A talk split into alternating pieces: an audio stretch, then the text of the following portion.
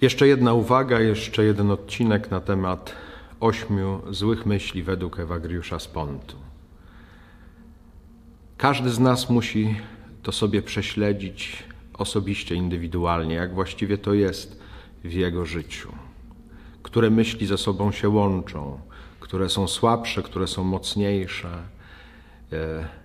Jak właściwie to się w Twoim życiu układa, które są przed którymi, które są po których.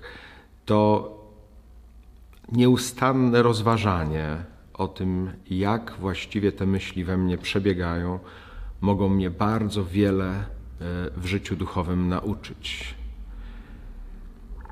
To oczywiście jeszcze może być rozszerzone o takie czy inne wątki. Natomiast warto co jakiś czas, jak nam się zbytnio to wszystko porozszerza, wrócić do tych ośmiu myśli, popatrzeć, zrobić rachunek sumienia, jak właściwie z nami jest, żeby znów zebrać to e, w jednej odsłonie i zobaczyć w tym miejscu, gdzie jestem, czemu ulegam, przed czym udaje mi się bronić, e, żeby też widzieć, co z czego wynika.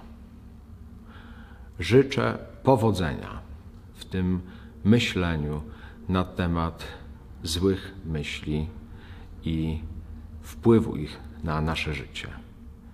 Niech ta refleksja będzie pomocą do zwycięstwa.